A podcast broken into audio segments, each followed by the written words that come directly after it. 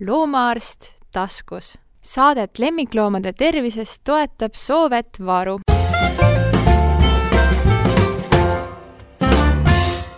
tere, oleme tulnud salvestama selle aasta viimast Loomaarst taskus saadet. minuga koos on minu kolleeg Triin Kass. tere! ja mina olen Tiina Toomet. alustaks võib-olla kerge nukra kummardusega hiljuti lahkunud kirjanik Heljo Männi poole, sellepärast et tema on kirjutanud raamatu Koer taskus. Ja see on olnud kaudselt ka meie podcasti nii-öelda nimeandja, selline tore lasteraamat. aga lähme nüüd teiste teemade juurde ja räägime siis sellest, miks koertele, kassidele ja ka paljudele teistele loomadele on detsembrikuu eriti raske ja piinarikas. Ma tahan, Triin, kõigepealt sinu käest küsida, et jõudsid hommikul taikuga jalutamas ka käia või? seekord saatsin elukaaslase ahah, aga kuidas nüüd, kas need ähm, detsembrikuised jalutuskäigud natuke erinevad ka, et kas sa pead äh, rohkem ümberringi vaatama selja taha, olema murelik, et väike büromaan ei oleks ilmunud nagu maa alt kusagilt välja ja, ja ei, ei hirmutaks sinu koera? minul endal selles mõttes on vedanud, et minu koer ei karda pauku. Ja kuna elan ka niisuguses piirkonnas, kus Männiku lasketiir on päris lähedal ja, ja sealt tuleb pidevalt igast nii-öelda püssipauke ja, ja tulistamist, et äh, minu koerad ei tee välja, et ka emakoer, kes on võib-olla ütleme niimoodi ilutulestiku suhtes nagu tundlikum, aga tema ka, ütleme niimoodi, see lasketiirust ei lase ennast väga nagu häirida. aga temaga mul ei ole nii palju, emakoeraga ei ole nii palju kogemust, et kas, kas kui tõesti selja tagant midagi tuleks, siis suure tõenäosusega ma arvan, et tema ikkagist küll kardaks. aga et sul sellist nagu päris helide hirmuga all kannatavat koera ei ole olnud? päris niisugust paanilist küll mitte mm.. sest minul on olnud ja ühe koera puhul ma tegin selle vea tegelikult täiesti ise et kui ma olin äh, selline teismeline tüdruk, siis meil oli koer Kim, puudel, kellega ma käisin dressuuris, kes üldse ei kartnud pauku, kes meie suvekodus, kus Paldiski kahurimüraga oli igapäevane nähtus, magas rahulikult. ja siis ükskord, ma ei tea, mis mul arus oli, me olime just Mustamäele kolinud ja seal oli tohutu ile, ilutulestik aastavahetusel ja ma võtsin siis koera rõdule kaasa, et noh, tule vaata, et jõle äge. ja sain sellise koera, noh, tema nagu see hellide hirm oligi see, mis on äh, noh, ikkagi nagu täiesti iseloomulik, et selle, sellest ei saa nagu mööda vaadata, et tihti, kui öeldakse, et, et võib-olla omanik ei märkagi, et koer kardab, et noh, ilmselt sinu Bruno puhul on see, et ta on nagu natuke kõhkvel, aga no Kim oli nii, et ta lihtsalt jooksis ringi, tal oli keel maani, silmad noh, peaaegu tungisid peast välja ja ta oli ikka nagu täielikus paanikas. ja noh, see oli muidugi selline aeg, kus meil ei olnud ka mingeid ravimeid võtta mm. -hmm. et minu teine koer Laika, kellel oli kergemakujulisem heliteerim, siis tema puhul juba olid natukene mingisugused ravimite variandid ka olemas või noh, need ei ole alati ravimid, ei pea olema, meie siin oma saates ravimitest ei räägigi, räägime pigem toidulisanditest, aga, aga üldiselt noh, ka teda oli vaja ikkagi aidata.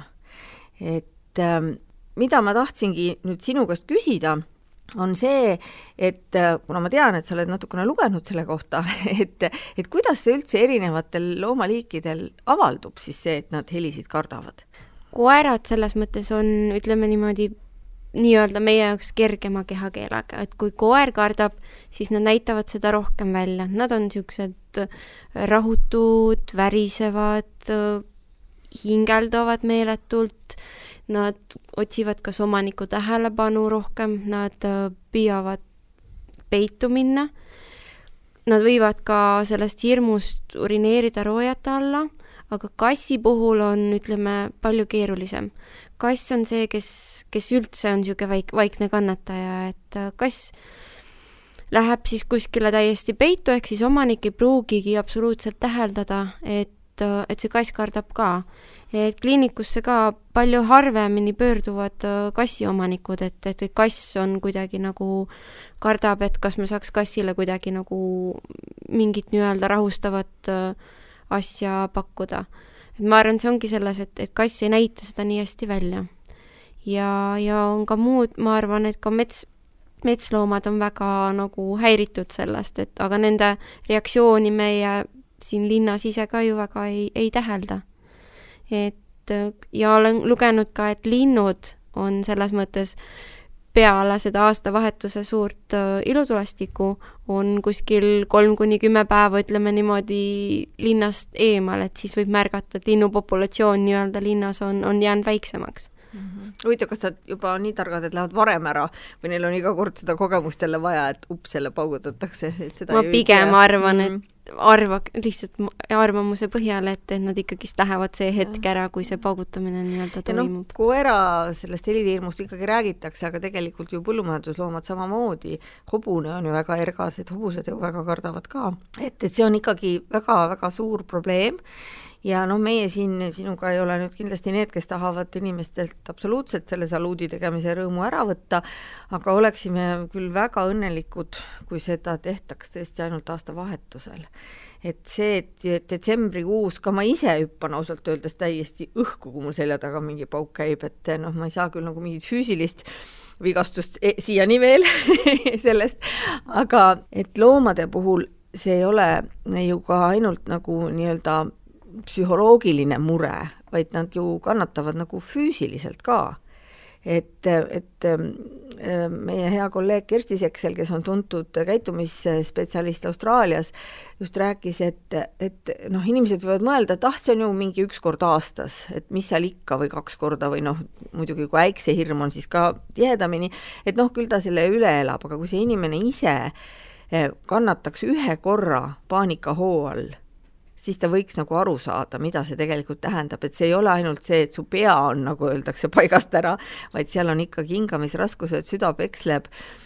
Ja loomade puhul tuleb ju veel kõne alla see, et nad ju vigastavad ennast, eks ole. just, et ongi noh, muidu ütleme niimoodi niisuguse suure müra või noh, millegi peale ehmatamine on ju tegelikult nagu loomupärane, aga need, need, kes kellel jaoks on see nagu müra või see on, tekitab täiesti niisugune foobilise tunde, ehk siis nad tahavad sellest niimoodi nagu ära põgeneda.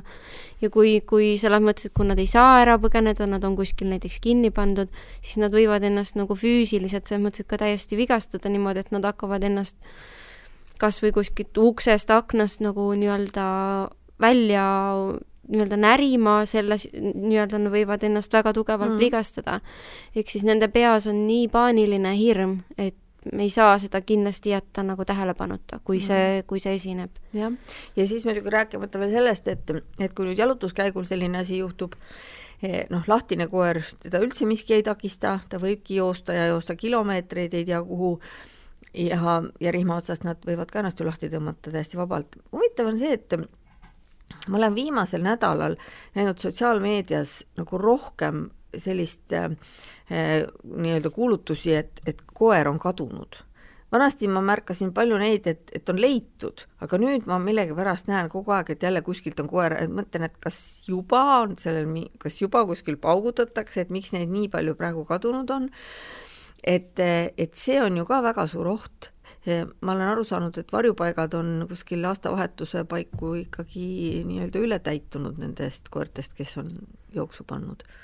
et ma arvan, et ongi, et äh, nii mõlemad, et kassid ja koerad, selles nagu paduhirmus, nad hakkavadki kuskile poole jooksma ja, ja kui kui nad hakkavad, ma arvan, et üks hetk ringi nii-öelda vaatama, kuhu nad siis nagu jooksnud on, ei pruugi nad alati seda koduteed nii-öelda nii kiiresti leida ja, ja ja kahjuks võivad nende teele jääda ka autoteed, mida nad peavad ületama, kus võivad tekkida õnnetused, et ma arvan, et peaks, ka iga loomaomanik peaks üle vaatama, kas koera ja kass on kiibitud ja, ja kindlasti muretsema selle eest, et see kiip saaks registrisse kantud.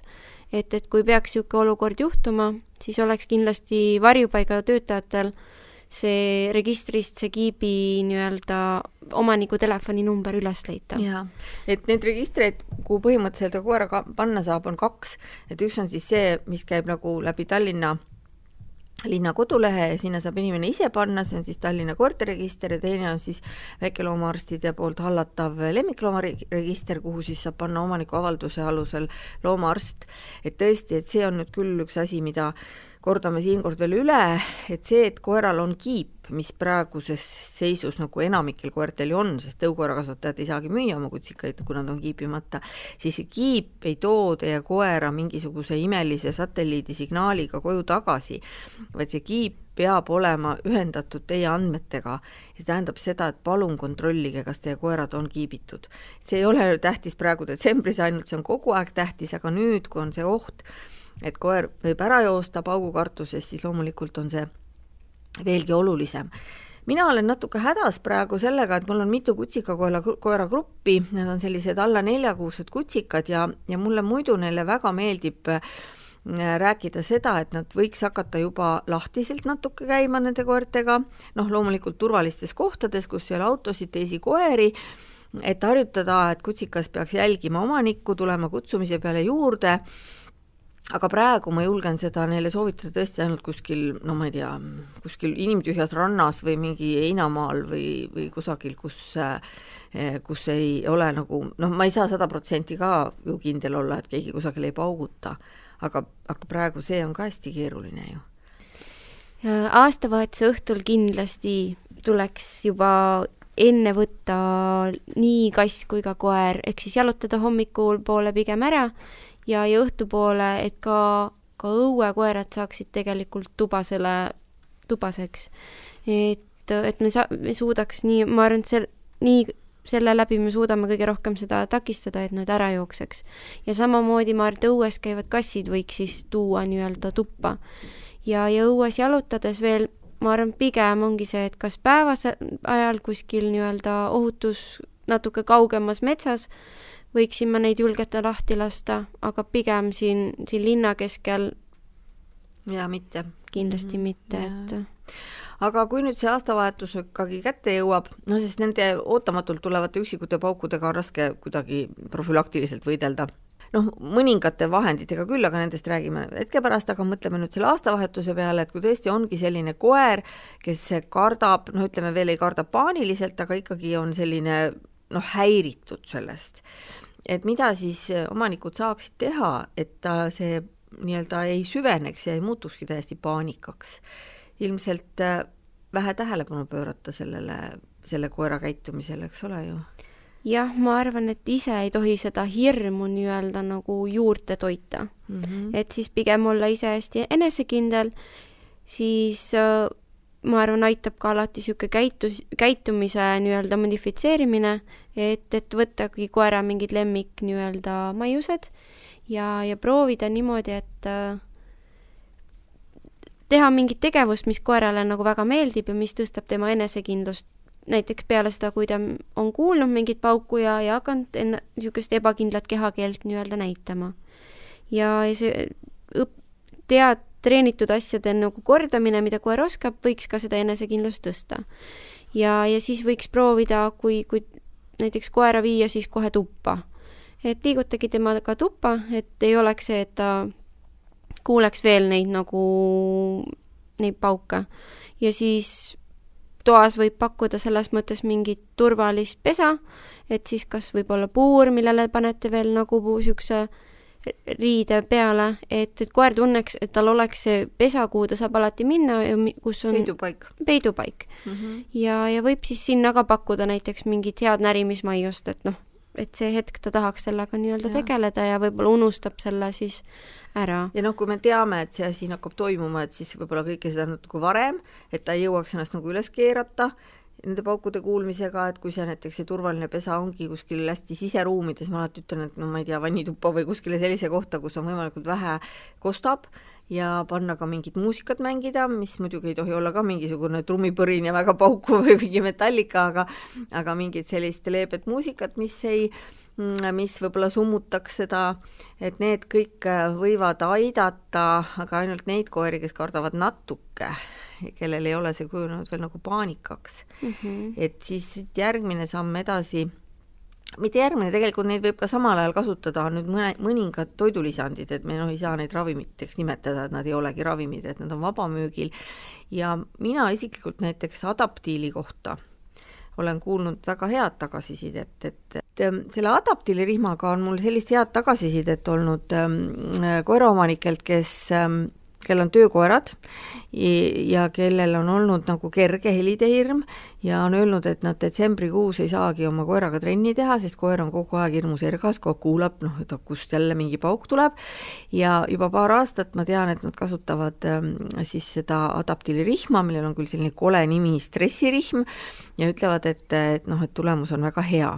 et võib-olla nüüd võikski natuke kuulajale rääkida, et mida siis see asi, millel on kole nimi stressirihm, mis toob silme ette pildi mingisugustest ogadest ja kidadest, aga tegelikult seda ei ole, et mida see üldse endast kujutab?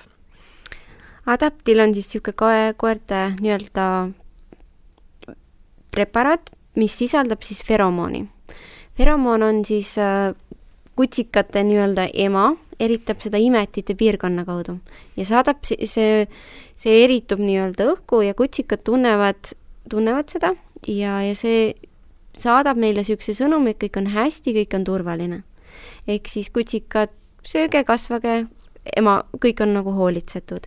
ja sellesama feromooni analoog on siis pandud adaptiili toodetesse. et adaptiil on, on erinevaid, üks on see, mis on kaelarihmana, mis on niimoodi, et panete kaela, koerale siis kaela ja ta annab kuskil kuu aja jooksul mõju.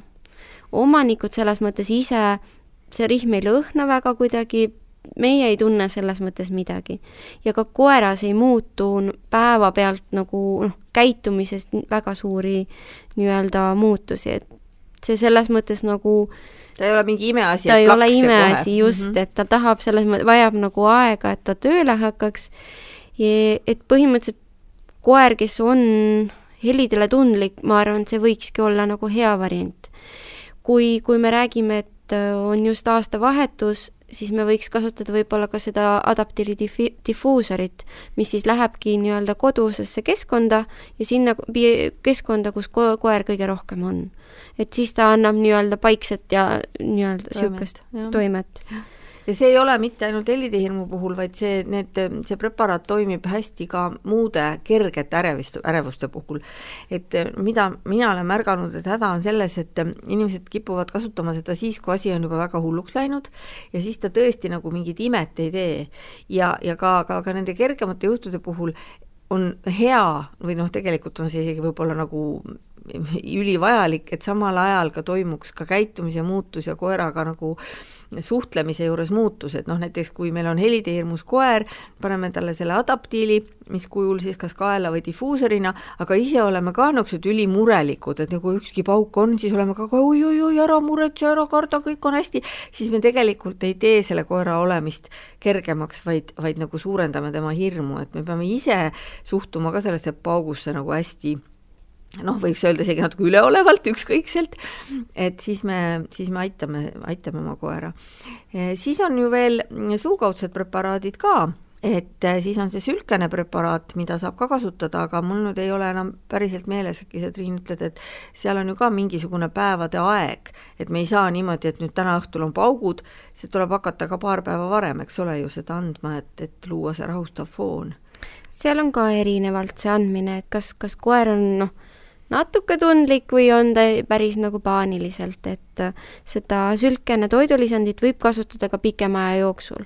et ongi, kui on ikkagist nagu väga paaniline koer, siis mina võib-olla alustaksin täitsa detsembri algusest mm, -hmm. et just nii-öelda mõeldes nendele üksikutele paukude peale ka, et tal lihtsalt oleks nagu nii-öelda kogu aeg selline saaks sellega foon. hakkama mm, -hmm. just, et äh, et neid võib selles mõttes ka omavahel kombineerida, selle adaptiilkaelarihmaga ja nende nii-öelda toidulisandiga. et ma arvan, koos annaksid võib-olla nagu parima efekti mm. -hmm.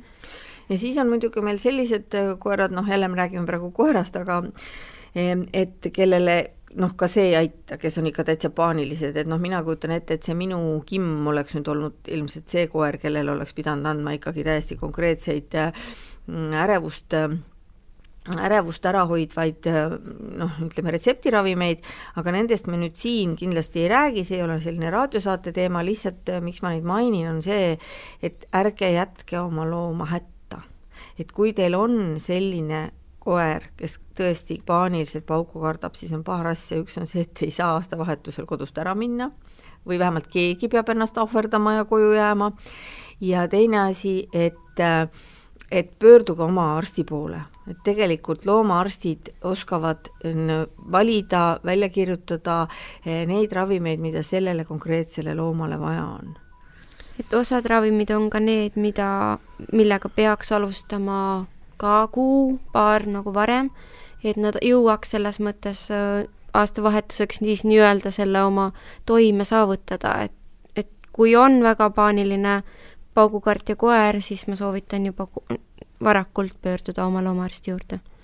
siis on veel üks selline teooria, mille kohta ma olen lugenud nagu vastandlikke seisukohti, et kui me teame, et meie loomal on helide hirm, et siis võiks teda harjutada paukutamisega, et on olemas ju isegi tegelikult spetsiaalsed heliplaadid, et kus ongi siis erinevad sellised müraefektid ja neid siis noh, see juhend on selline, et hakata vaikselt mängima ja siis minna vaik-, nagu tugevama peale üle.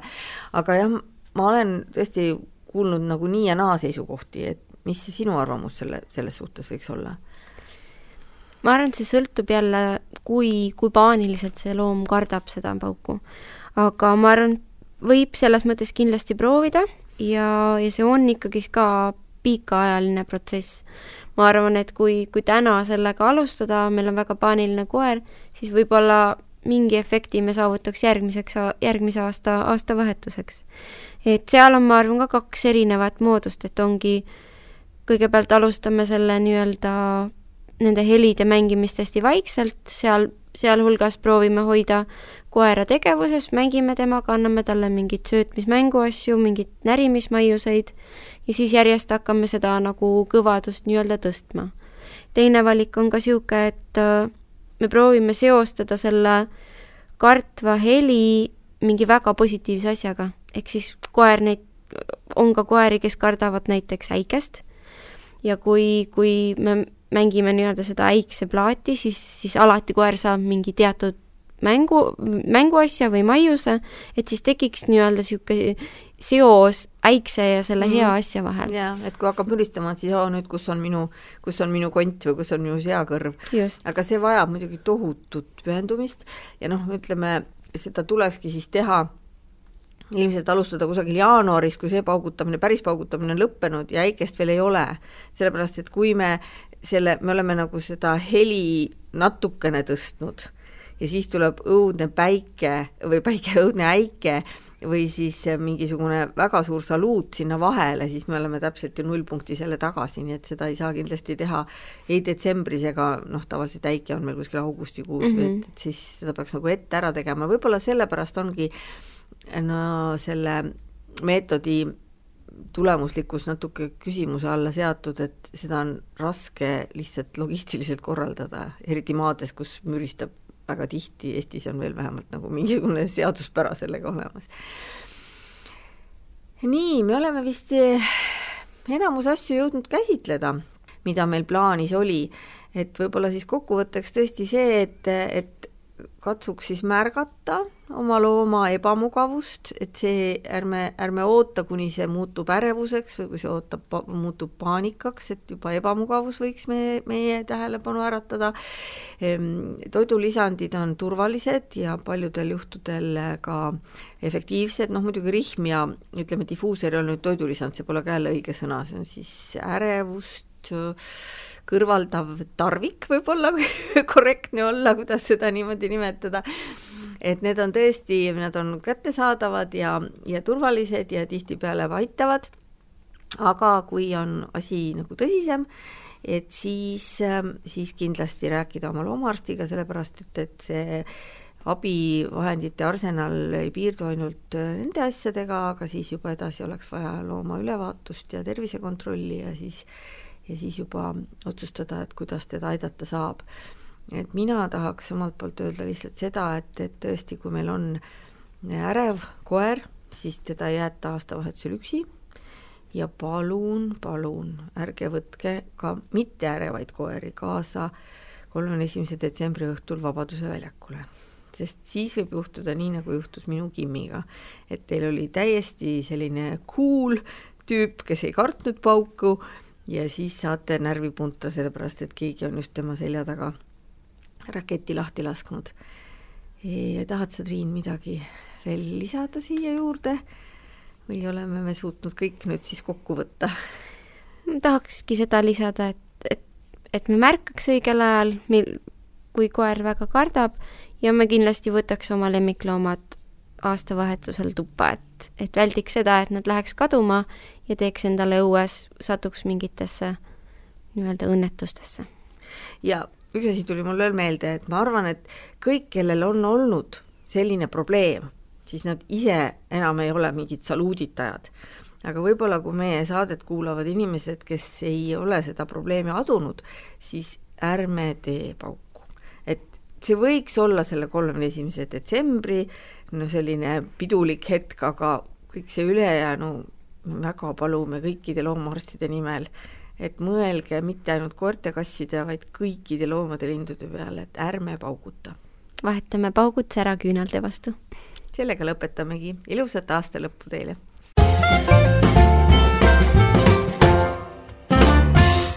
loomaarst taskus. Saadet lemmikloomade tervisest toetab Soovet Varu